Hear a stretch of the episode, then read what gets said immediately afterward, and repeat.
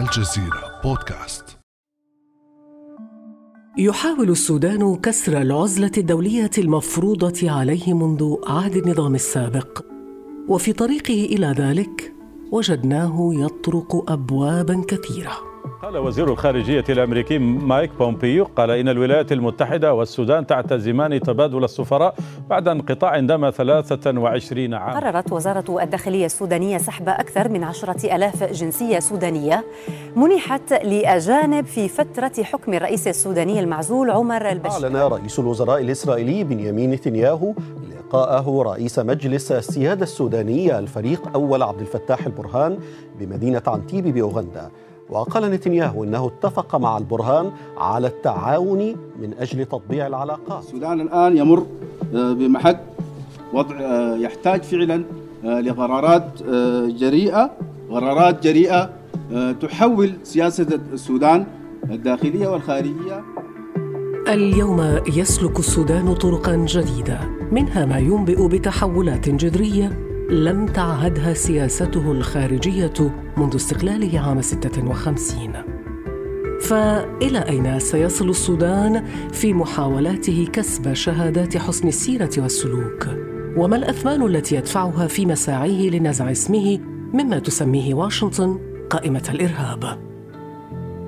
بعد أمس من الجزيرة بودكاست أنا خديجة بن جنة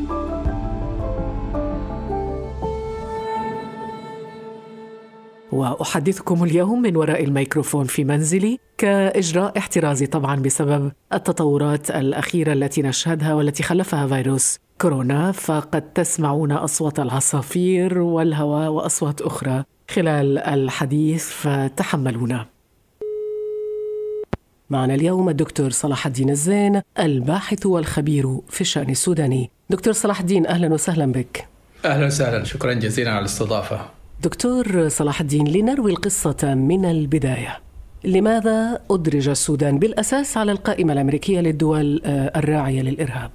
خديجة كما تعلمين أن القصة كلها تعود إلى بداية التسعينات من القرن الماضي تحديدا في العام 1993 عندما اتخذت الإدارة الأمريكية قرارا بإدراج السودان في قائمة الدول ما تسميه قائمة الدول الراعية للإرهاب وذلك بسبب الأهم هو وجود أسامة بن لادن زعيم تنظيم القاعدة الذي أتى للسودان في العام 1992 وبقي فيها إلى 1996 ثم أيضا الإدارة الأمريكية كانت ترى وجود مجموعات أخرى تعتبرها مرتبطة بالأصول الأصولية الإرهابية وكذا. ففي هذه المرحلة أضيف اسم السودان إلى قائمة الدول الراعية للإرهاب.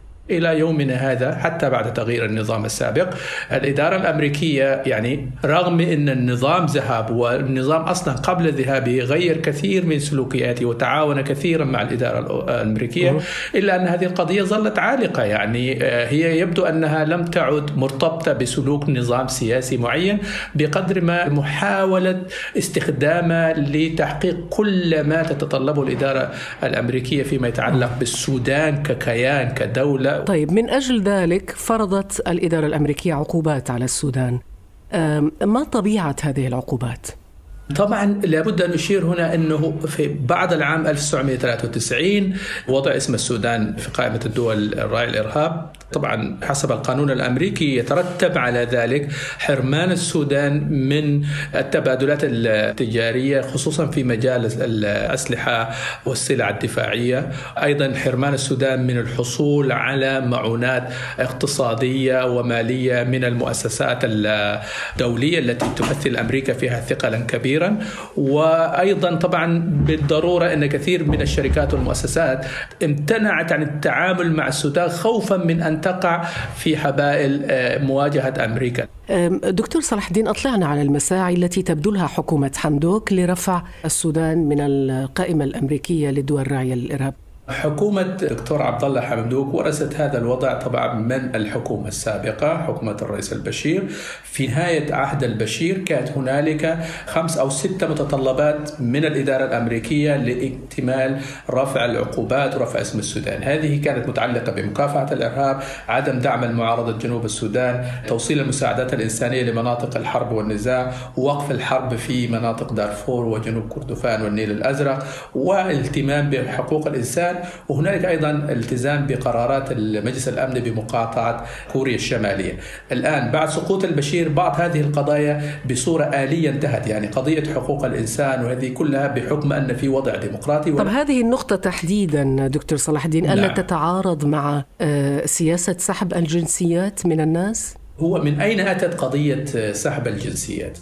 قضية سحب الجنسية لها بعدين. البعد الأول بعض الدوائر الغربية الأمريكية وحتى إسرائيل ترى أن الحكومة السودانية السابقة استخدمت مسألة منح الجنسية لإعطاء مساعدة بعض العناصر المرتبطة بالإرهاب. فهنالك هذا الانطباع موجود. الانطباع الآخر أن لدى الشارع السوداني أن الحكومة السودانية تساهلت كثيرا في منح الجنسية في السنوات الأخيرة بالذات بعد 2014 وحولت إلى تجارة. وبعض المقربين من نظام البشير كانوا يتاجرون في هذه. ووصلت مسألة منح الجنسية السودانية أن تباع ب 10000 دولار للجنسية السودانية الواحدة. ولذلك هنالك رغبة في الشارع لمراجعة هذا الموضوع وأيضا هنالك شرط مرتبط مرتبط بموضوع نقطة مكافحة الإرهاب أن بعض الإرهابيين حصلوا على الجنسية السودانية وتورطوا بعد ذلك في أعمال إرهابية. فمن هذا الباب ارتبط هذا. طبعا آه، هنالك إشكالية فأن الحكومة السودانية وعلى رأس مجلس السيادة لم يكونوا موفقين في تقديم التصور الكامل لهذه الأزمة. أن كيف تعامل قضية سحب الجنسية؟ في بعض الناس حصلوا على الجنسية السودانية بصورة شرعية لدواعي إنسانية وينبغي أن السودان التزامه بهذه القضايا المرتبطة بقانون الدولي ولكن هنالك ممارسات فاسدة فاسدة لازمت منح الجنسية السودانية. قضية أخرى هي طبعا متعلقة بالأمريكان حتى مساعد وزير خارجية الأمريكي وصف مسألة رفع اسم السودان من قائمة الدول الإرهاب بتقشير البصلة بمعنى أن كلما انتهيت من إجراء هنالك إجراء تالي يعني قشرة وراء قشرة. قشرة وراء قشرة. تشبيه جميل هذا. أيوة قال هي مثل تقشير البصلة. فهنالك إجراءات ترتبط بموضوع تسويات مع أسر ضحايا التفجيرات التي حدثت للسفارات الأمريكية في تنزانيا وفي كينيا في 98 وتفجير المدمر كول في اليمن سنة 2000 لأن المتهمين في هذه التفجيرات يزعم أنهم تلقوا نوع من المساعدات من السودان. وهذه قضية كبيرة لأن فيها التسويات فيها قد تصل إلى خمسة وربما إلى سبعة مليار دولار مطلوبة مع أسر الضحايا. هذه نقطة. نقطة أخرى أيضا ترتبط بموضوع يتعلق بتسوية الصراع في دارفور وجنوب النيل الأزرق وجنوب آه، كردفان. فحكومة حمدوك تحركت في اتجاه التسويات وعقدت تسوية بالمناسبة في شهر فبراير الماضي مع أسر ضحايا المدمر كول. ولكن طبعا أسر ضحايا تفجير السفارتين الأمر ما يزال أمام المحكمة العليا فهذا لم يحسم. بعد النقطة الثانية موضوع التسوية في جنوب النيل الأزرق وجنوب كردفان ودارفور ما تزال المفاوضات مستمرة آه، في جنوب السودان. طب هذا كله مفهوم دكتور صلاح الدين أنه هذه التسويات نعم. مكافحة الإرهاب أيضا تحسين وضع حقوق الإنسان تسوية أيضا مع ضحايا التفجيرات لكن النقطة اللي ليست مفهومة حتى الآن هو موضوع الهرولة والتطبيع مع الإسرائيليين ماذا يجلب للسودان وللسودانيين؟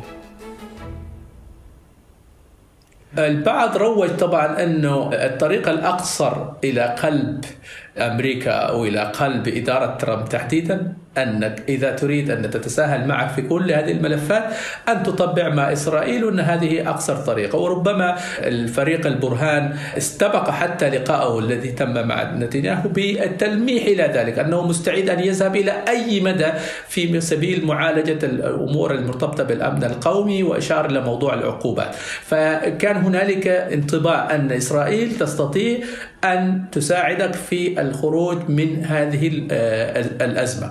ولكن طبعا بنعرف إنه نتنياهو بعد التقائه مع فريق البرهان وبعد الحصول على إذن بمرور الطائرات الإسرائيلية فوق الأجواء السودانية استخدمها في حملته الانتخابية التي كان يواجه فيها انتخابات. وتحدث أنه هو بدبلوماسية استطاع أن يحصل على آه، آه، تطبيع والسماح لمرور الطائرات التجارية. ولا أعتقد إن القضية بهذه البساطة. طبعا لا ننسى أن قرار إزالة اسم السودان مثل ما هو مرتبط بالإدارة التنفيذية كذلك مرتبط بالكونغرس والكونغرس الأمريكي أيضا يخضع لضغوط الجماعات المصالح واللوبيات المختلفة. فاللوبي الإسرائيلي يريد أن يستخدم كارت التطبيع للضغط مع السودان وهذه النقطة التي أشرت إليها أنه المسألة تجاوزت الضغط على نظام حكم معين للضغط على دولة آه، وكيان لتحقيق مصالح معا بناء على هذا الشرح دكتور صلاح الدين هل يمكن أن نقول انه السودان مع كل الإجراءات التي اتخذها والتي شرحتها لنا الآن اقترب فعلا من مغادرة القائمة الأمريكية للدول الراعية للإرهاب؟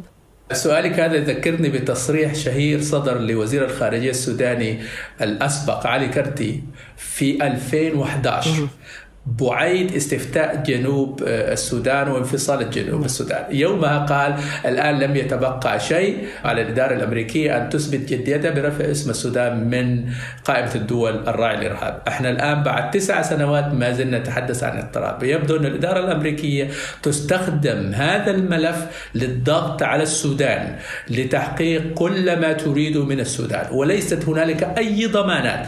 أن الشروط الموجودة حاليا حتى إذا استجيب لها كاملا ألا تأتي الإدارة الأمريكية بشروط جديدة. ليست هنالك أي ضمانات. فنحن نعرف أن الشروط التي وضعت في مرحلة سابقة تم تجاوزها ووضعت شروط جديدة. فأنا أظن أن أن الحكومة السودانية والقيادة السودانية في المرحلة الانتقالية ربما تحتاج لأن تنتبه أن هذا موضوع يمكن أن يستمر لفترة طويلة وأن الرهان عليه يبقى يجب أن يكون محدودا ويجب أن تتجه بجهدها وبمساعيها للتركيز على محاور أخرى لمعالجة الأزمات التي تواجه مشكلة كبيرة جدا جدا طب ما المطلوب أكثر من ذلك؟ يعني هل يمكن مثلا أن يسلم آه، آه، أعضاء السلطة الحالية الرئيس المعزول عمر البشير إلى المحكمة الدولية وهم أصلا هم نفسهم متهمين بالمسؤولية عن جرائم حرب ارتكبت في دارفور.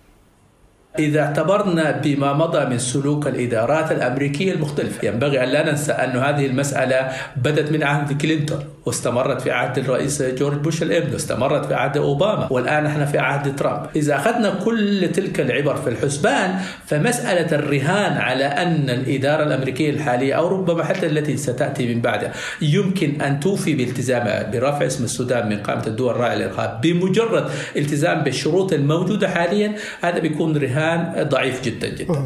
أنا أتصور أن السودان إلا إذا أتيحت له فرصة أصبح هنالك كارت ضاغط على الإدارة الأمريكية وتوفرت إرادة سودانية تستخدم هذا الكارت بذكاء لتحقيق المصلحة الوطنية. فيما عدا ذلك على السودان وقيادة السودان أن يبحثوا عن حلول أخرى وعدم تعليق يعني آمال الناس بسراب أن الإدارة الأمريكية ستوفي بالتزامها رأينا ذلك عبر سنوات طويلة امتدت عقود ولم توفي أي إدارة أمريكية فيها الديمقراطيين وفيها الجمهوريين لم يوفي أي منهم بهذا الالتزام افترض دكتور أنه هذا الحبل الذي يخنق السودان يعني زال وتم رفع السودان من القائمة الأمريكية للدول الراعية للإرهاب كيف ترى مستقبل السودان إذا ما رفع من هذه القائمة؟ طبعا دعنا يعني ننظر للشق الإيجابي إذا حدث ذلك.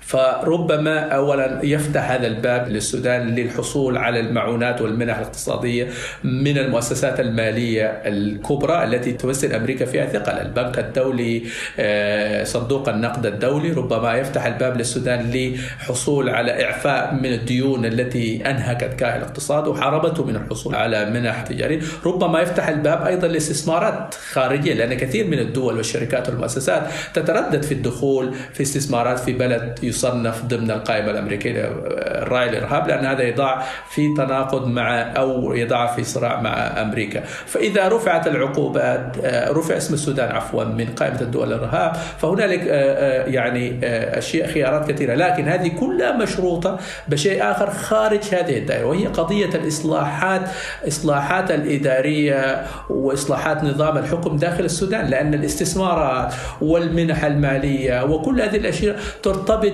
بإصلاحات جوهرية في بنية النظام السوداني والإدارة السودانية والحكومة السوداني، فمجرد رفع العقوبات لوحدها لن يكون كافيا في آه، فتح المجال لكل هذه القوى. شكرا جزيلا لك دكتور صلاح الدين الزين الباحث والخبير في الشأن السوداني. شكرا جزيلا على الاستضافة مرة أخرى. كان هذا بعد أمس.